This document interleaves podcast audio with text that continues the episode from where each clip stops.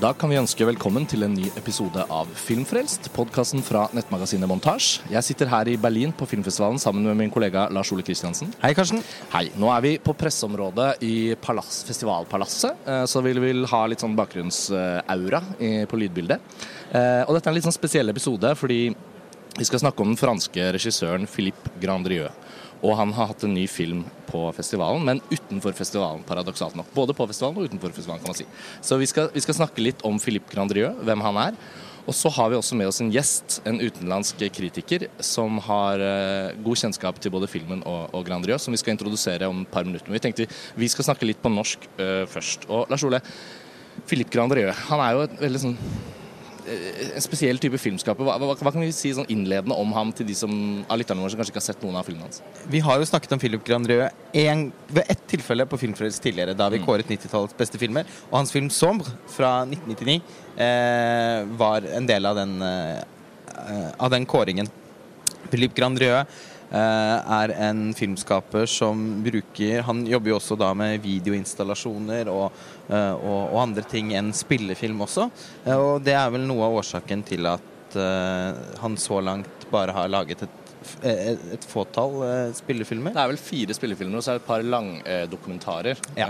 um, men det er altså Sombre fra 98-99. Noen steder så står det at den er fra 98, andre steder 99. Uh, og så er det La Vie Nouvelle fra, fra 2002. 2002. Og så er det Unlac og da denne nye filmen Le Malgré Og ikke Le, Malgré la Nuit. Og vi har da sett uh, alle filmene bortsett fra Unluck. Mm. Håper også å, å, få anledning til å se den snart. Uh, Philip Grandrød lager uh, en type film som som er nesten sånn Nesten sånn aggressivt uinteressert i å I å liksom forføre tilskueren med historiefortelling. Mm. Eh, det er som om han liksom pakker oss på innsiden av, av filmene sine. Mm. Eh, og han er opptatt av eh, teksturer og, og, og overflater og, og, form på ting. Mm. Og måten han liksom tilnærmer seg de objektene eh, han, han, avfilmer med kameraet sitt, mm. har en veldig sånn spesiell for, for en veldig, en sånn veldig sånn taktil kvalitet i ja, filmene hans som er, jeg syns det er ganske vanskelig å sette ord på. Og For å plassere han et sted, så kan man jo si at han har noen biter David Lynch, noen biter Claire Denis, eh, og ganske mange biter Philippe Grandrieux. Altså, han er ikke så lett å definere. Til og med en del biter Jonathan Glazer. I hvert fall uh, Under the Skin. Var, en, da jeg så den filmen, så tenkte den jeg ganske, nye filmen hans. Uh, ja, ja, Da tenkte jeg ganske ofte på Philippe Grandrieux. Men ellers syns jeg også at, at, David Lynch og Claire Denis er veldig sånn, en nokså god beskrivelse da, mm. av hva han mm. holder på med. Jeg tenker kanskje tiden er inne for å hente inn vår gjest. Eh, vi har sagt noe grunnleggende om, om Grandrieux. Vi har sett Sombre og La Vie Nouvelle og Malgré la Nuit, ikke Unlac. Um, and I will switch to English at this point. Uh, I'm uh, very happy to, uh, to introduce you to the podcast, and I don't want to get your last name wrong, so I'm gonna make sure I can say it perfectly right. Pamela Pianezza. Perfetto. Perfetto. Welcome to the podcast. Thank you. We're very happy to have you as a guest here. And uh, it was also such a great uh, festival for us to make your acquaintance. We saw you first time at the panel for this new Grandrieux film, Malgré la Nuit. It was in Woche der Kritik, or the Critics Week here in Berlin. It's only the second year they've done the Critics Week, I think. And, and after this screening of his film, there was this panel, and you were on it, and you were speaking about the film, and we were thinking, this is not only an interesting film, but an interesting film to talk about. So it's it's really great for us to, to have you on board here. And I just wanted to start with one thing: the background for the Woche der Kritik or this Critics Week and the panel. How did it come about?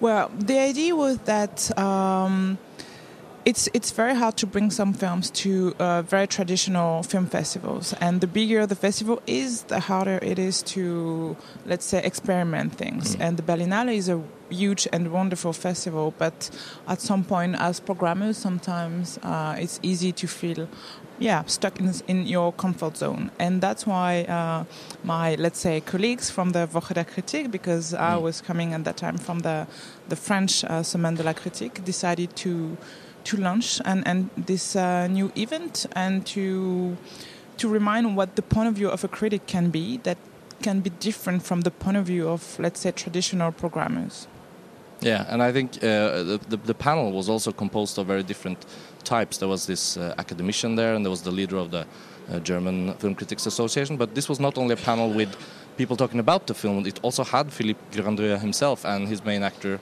uh, Ariane Labed uh, on the panel. And your background is as a film critic, but also as a programmer. Uh, you said you've been working with Semaine de la Critique in Cannes. Yeah, I've, I've been programming for years, um, seven, eight years now. I've been uh, working. Uh, for several years for the Semaine de la Critique, uh, mostly programming the Nordic films and the Mediterranean films. And I've been working for other festivals like Vision du Réel for the documentary in Switzerland, uh, Rec Tarragona in Spain. Mm. And uh, yeah, I'm, I'm a film critic, a journalist, and I'm a photographer. Mm. And Italian and French and Spanish. Yeah.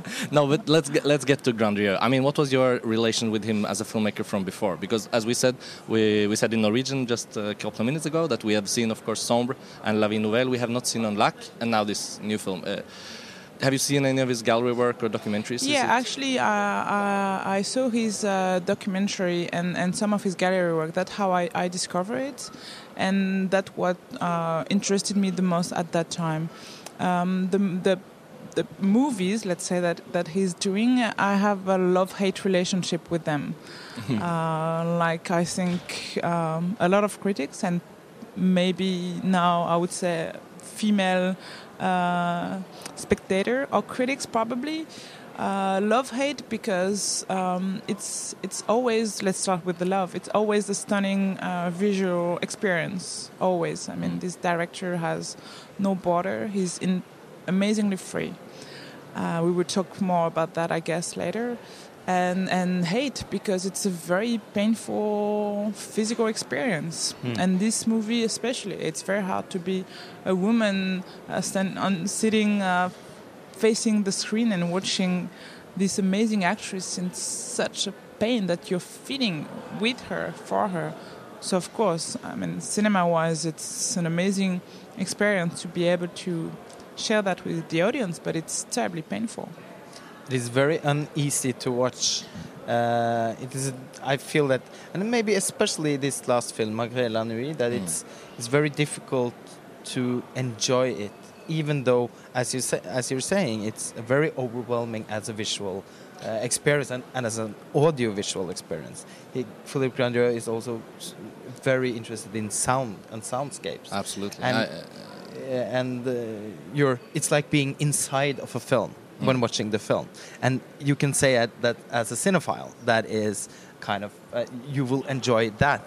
But still, the the the film is so dark and so disturbing in, what it tries to portray. Portray, yeah. But because I'm, I'm, I'm thinking about something we should probably just mention the fact that narrative plays, of course, it plays an important role because it, it plays a role by not being there also in a way. But for this particular Grandrieux film, uh, it also came out in the panel that and uh, the director was also asked about this. Is this maybe the most narrative Grandrieux film? and that says something. And we should maybe tell our listeners just quickly the, the framing of the characters, at least of some sort of story. I mean, we have the the the boy from Britain, I think, yeah, the, the man Lance, who looks like a rocker. Yeah, and he comes to Paris to look for his uh, for Madeleine. For Madeleine, but there's also Helene.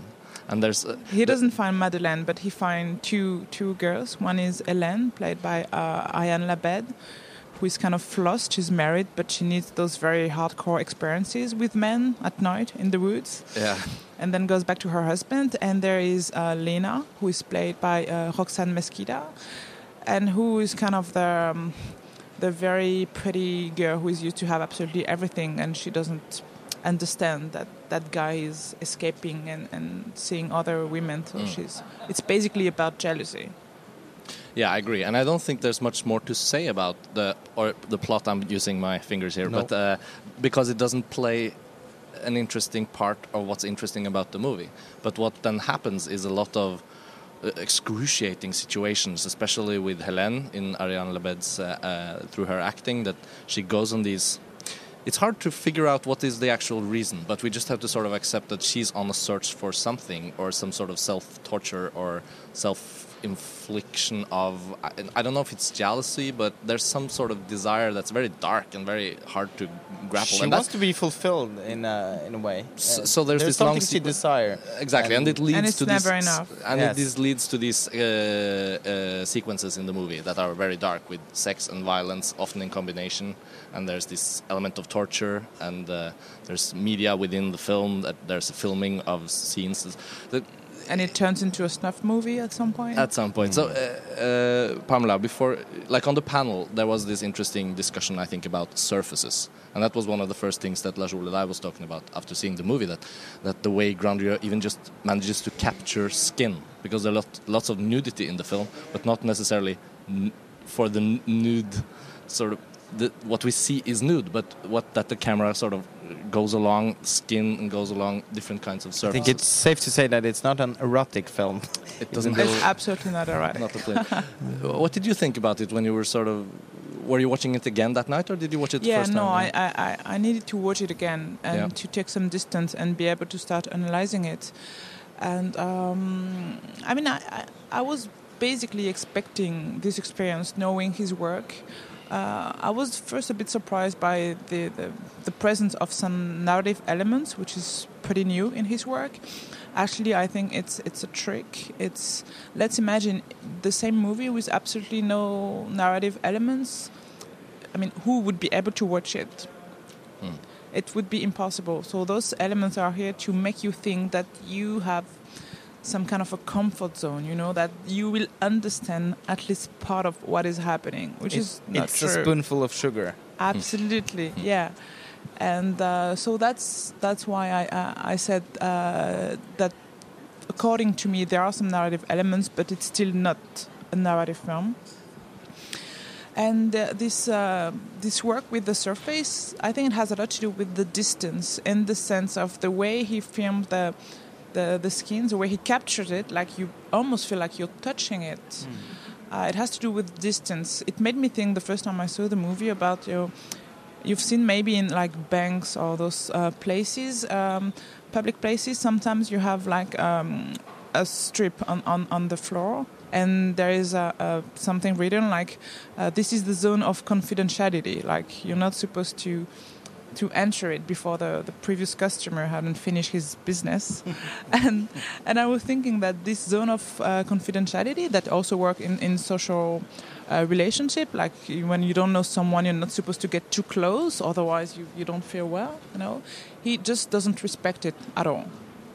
He always get closer than what should usually be done according to some rules. I'm not saying that those rules should exist, but and he doesn't respect that. And I think that's what brings us this feeling of the skin, and of course we will talk about the sound, I guess. But yeah, I, I agree that uh, I think it's very precise what you're saying that you could all you almost feel like you're touching the skin, uh, and he's especially uh, that, that skin is a is a visual motive in this film, uh, even more so I think than in his previous work, and he kind of just dwells into the uh, to the faces and you can see the details in the skin and it becomes almost something abstract something we know uh, as well as uh, as a human face uh, suddenly seems like uh, an abstract landscape or Mm. This is a cliche of course telling the human body is a landscape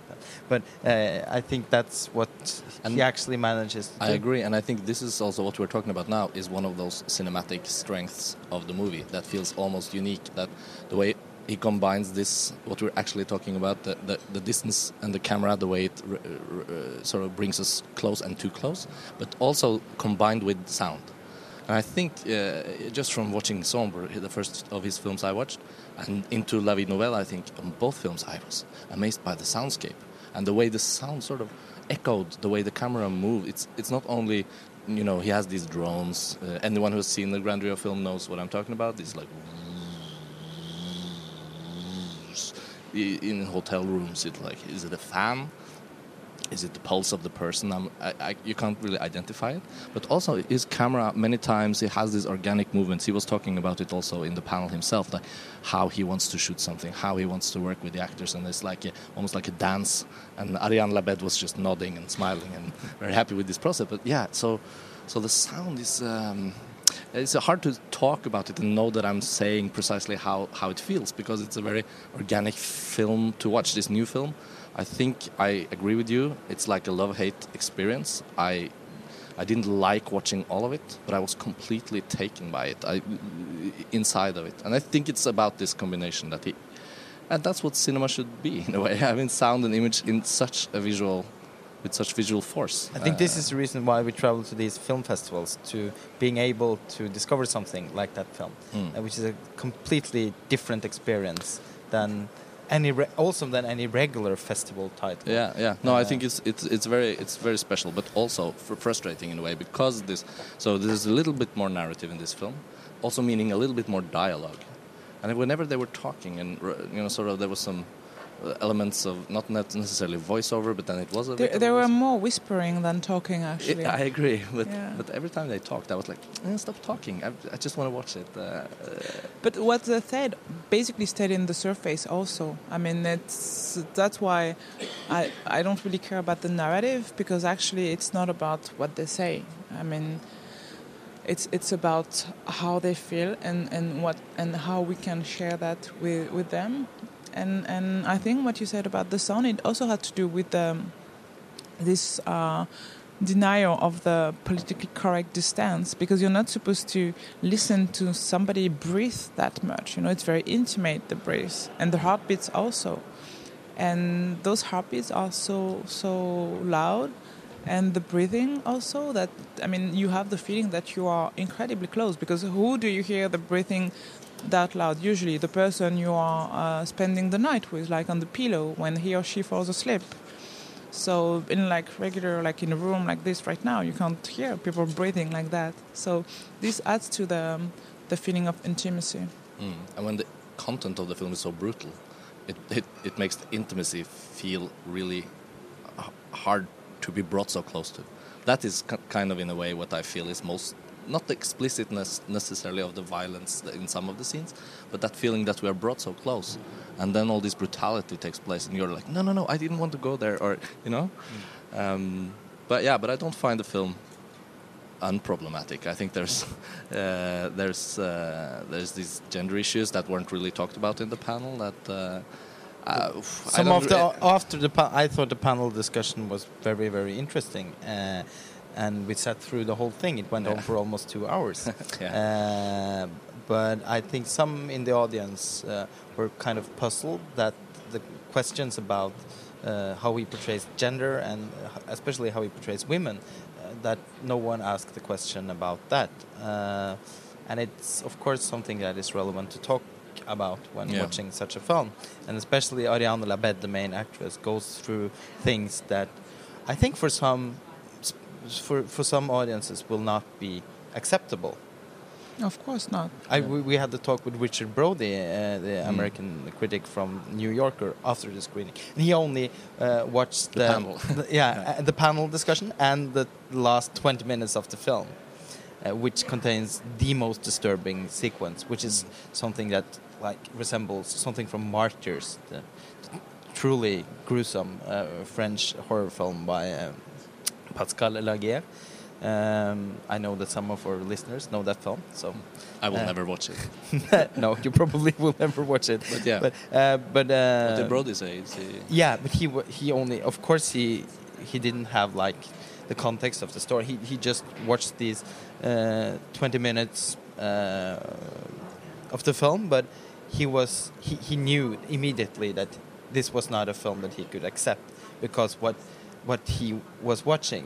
Um, uh, that uh, what Grandrieux did with the actress for him to the actress was was difficult to accept. to the actress. I think. Yeah. Well, was there one, was there stuff you wanted to talk about in the panel that you, you weren't able to talk about with the filmmaker there? Yeah, this I mean, is a leading question. yeah, yeah, no, but uh, of course, I mean, it, it it's it was a bit strange because uh, the plan was, of course, to talk uh, about those issues. Uh, that was one of the reasons why I was there. I'm, I'm uh, the editor of um, online daily cultural magazine, uh, Women Magazine.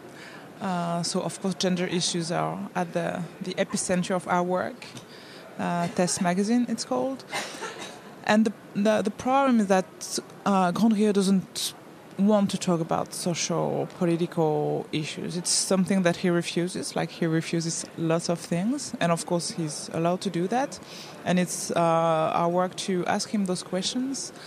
Um, but the thing is that I think the night of the premiere obviously wasn't the ideal moment to force him to talk about what he doesn't want to talk about. Mm. So I was hoping that with some more time we would have been able to reach uh, those questions, but actually now uh, that I, I don't even think that it would have worked. I mean, it's not. I think with Ariane we could have reached the, the, maybe not in his presence mm-hmm. i would say yeah. Uh, and i think she also needed time to digest the film that's the thing because i don't know if she you was mentioned watching it, it for the first time yeah she yeah. was watching it I, was, I, I watched it uh, i was sitting next to her and for the very first time and it's a movie that I had to digest. So I can't imagine that in her position she had to digest it. And and when I uh, we both mentioned at the beginning of the, the, the discussion how naked we felt uh, watching watching the movie, and I mean I'm I'm sure that she would able to elaborate uh, on it now, but at that time it wasn't. It, I think it was too early. But yeah, but yeah, for sure. I mean, I, I mean, the, the, the way he's portraying women, he's he's right. But of course, it's a fantasy. It's a fantasy of, uh, let's say, a white, uh, 40, 50 something uh, man who is uh, at a turning point of his career, obviously, and who wants to probably to go deeper, to go further, to prove that uh, even if he's not that young anymore, he can still be very, very, very adventurous. That he's still a provocateur. That he's still afraid of nothing, and that's what he's he's trying to do. So the thing is that my my issue is not that much how he's portraying the women, even if of course I have problem with that. Is that uh, that kind of portrayal always come from male directors? And that I would like to see to watch movies made by a female director with such an intensity mm.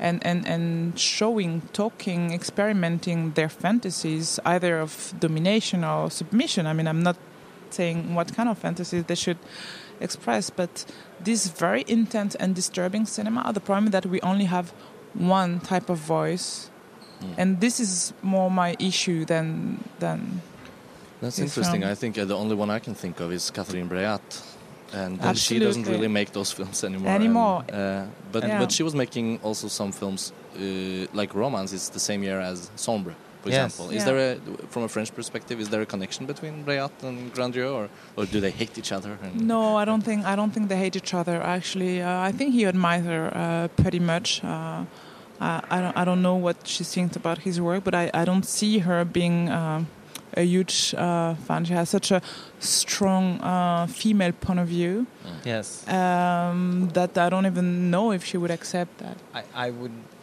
more. I would suspect that uh, Claire Denis and uh, and Grandrieux probably have. I they have a connection. Yeah, yeah. I, I, can Cinematic imagine that connection. because they admire each other. A film like Les Salauds from Claire Bastards, Denis, yeah. Bastards, yeah. in some ways has that kind of brutality or it has. It definitely has. But it's uh, let's say uh, it's a it, it's a small part of the movie. Let's yes. say. I mean, it's mm-hmm. it's not. Uh, but eh, of course, of course, it has that connection. But she doesn't go that far. No. In in in digging the fantasy. I think here in in Malgré la nuit, the, this new movie of Grandrieux, there's.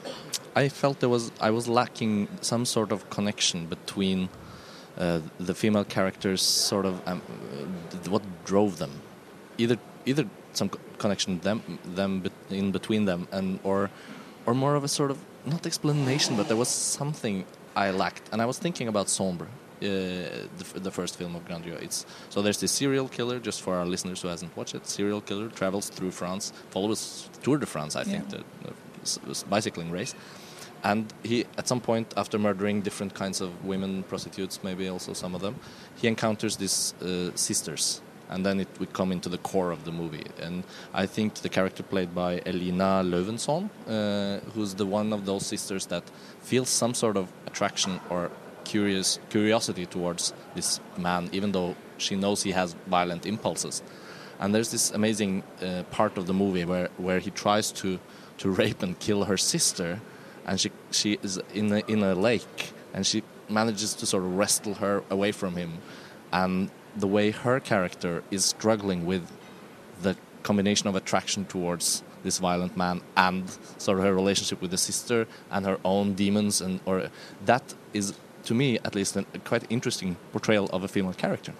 And in this new film i feel it lacks some sort of I don't know. I have to watch it again. Is he even that interested in gender issues? Maybe, maybe. I, my impression is that he's not. He's only interested in cinema, cinema itself. Uh, yeah, absolutely. I feel that the That's film the of the film is the point of the film. And no, but I, I, can tell you that you can't make him talk about gender issues. I mean, it's yeah. always going to to be either he doesn't know what we are talking about, or he said that this is not his reading. I mean, but this is not he he just can't read films like mm. this. And and you saw it during the panel. I mean he he breathes cinema. He is cinema. That's his life and that's the only thing he cares about. Mm. so that that's why I think with Ariane, uh, who's, who's by the way um, very smart choice actually, because I think that without her, I personally would wouldn't have been able to to enjoy what is cinematic in the movie because I would only have been disturbed. Yes. And she's one of, uh, according to me, she's really one of the best actresses of her generation. Mm. And um, she has this physicality when she's working. And she's one of the few uh, of her age who could be able to play this kind of impossible character with such dignity. Mm. You know, uh, of course, she's. I mean, what happened to her is just terrible, but like she doesn't become a victim in a way that she still.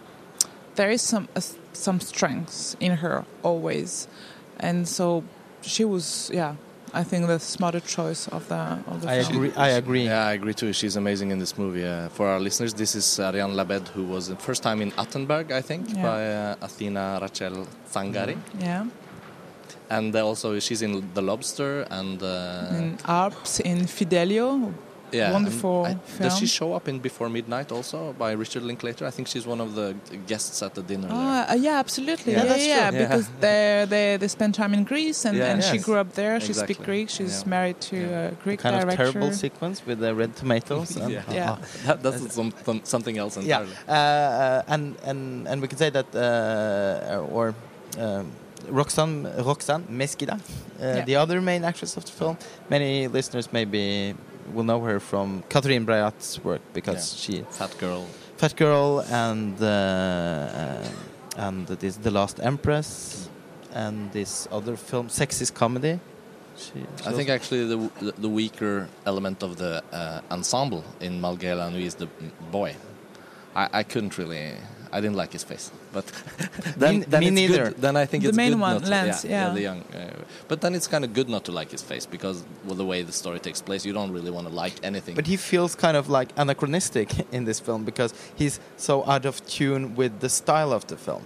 Uh, I think that both the main actresses and some of the other uh, actors in the film are like blends into to Grandrieux's visual style, but there's just something about this guy look mm. that doesn't feel right for me. Mm, mm, uh, I, I, think I think it was firstly planned for Pete Doherty, and that he got oh. sick just before or at the beginning of the shooting or something that like that. That could have been interesting. Yeah, but actually, it's very interesting what you're saying because it, it would be so tempting and easy to just look at the film and say, okay, this director just hates women. That would be very easy, and then we don't talk about it and anymore.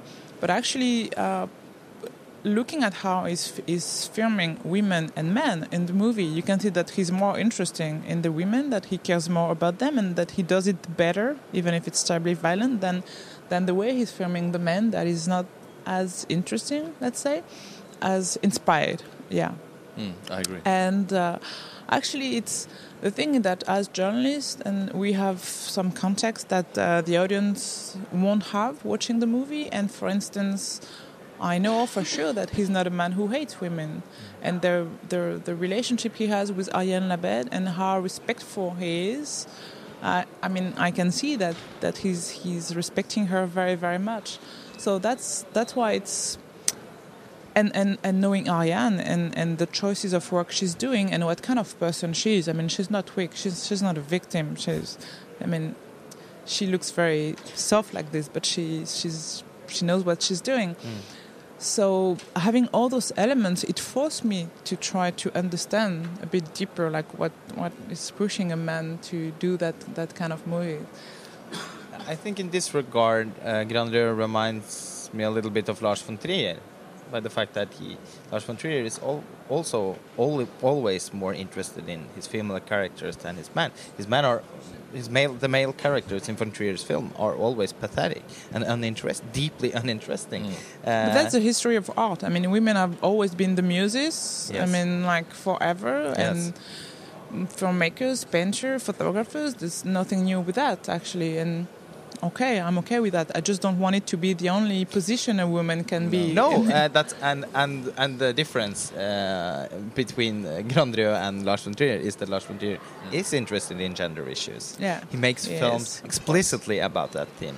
But uh, uh, what you're asking for earlier in the podcast now, 20 minutes ago, about where are the female uh, filmmakers that could also challenge or also go into this, and I just had to look her name up. Uh, the Serbian film Clip. Maya, uh, Maya Milos. Maya Milos. Milos she, she in this is this first film, I think. It was her first, and yeah. I think she's in that film, even though I don't think it's a completely uh, successful artistic work. Then I think she is really doing some sort of interesting story that looks differently at the sort of the classic European coming of age of a teenager kind of thing. So there, I don't know if there's other filmmakers you could mention that you that there you know are, that there are, are others actually, and, and in Sweden you have I mean you have some of them and um, and um, you have Mia Engberg. I mean, so there are, but. Uh, Maya Milos, it's her first film, and, and she hasn't done, I think, uh, a new film since. No. Uh, she was working on something else. So I have to. I, I know her well, so I, and she's really strong. I mean, mm-hmm.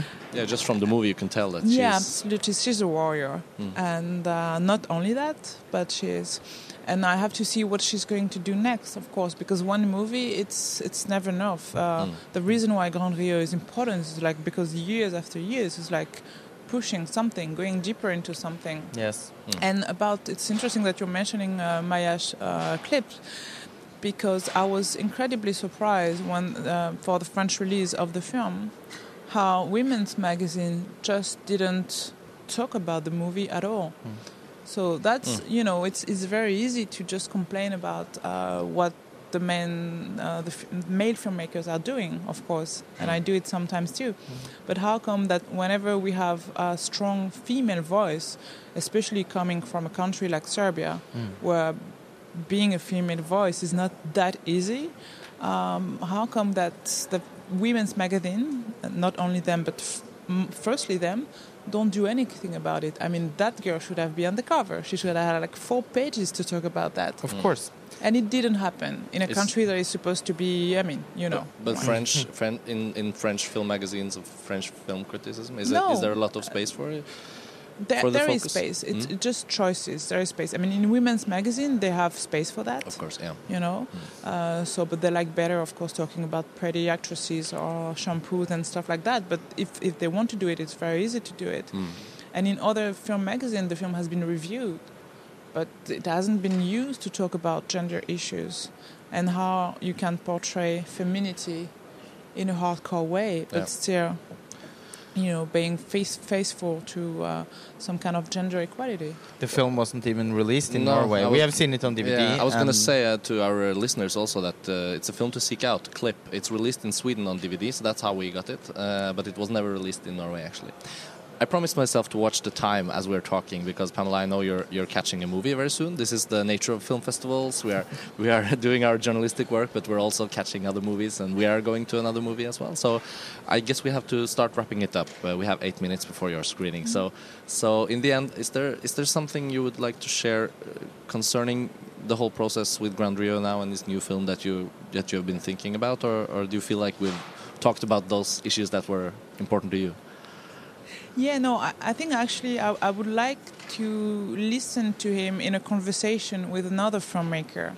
Like, I, I, ideally, I would like to listen to him talking to Catherine Breillat, actually. Hmm, you that know? would be That would have been a very perfect match. Exactly. It could be like the Hitchcock Truffaut book of this stage. Absolutely. I, I, I think because talking about cinema, I mean, and, and again, what he's doing with cinema is amazing. And he's experimenting. Mm. He's really refusing the, the concept of borders. He, I mean, what is uh, inside and out of the frame is treated in an absolute equal way. This is something uh, amazing. But then when you have such a great cinematic power, what do you do with it? And this is what I would like to hear him talk about with a filmmaker who also had such a strong visual vision.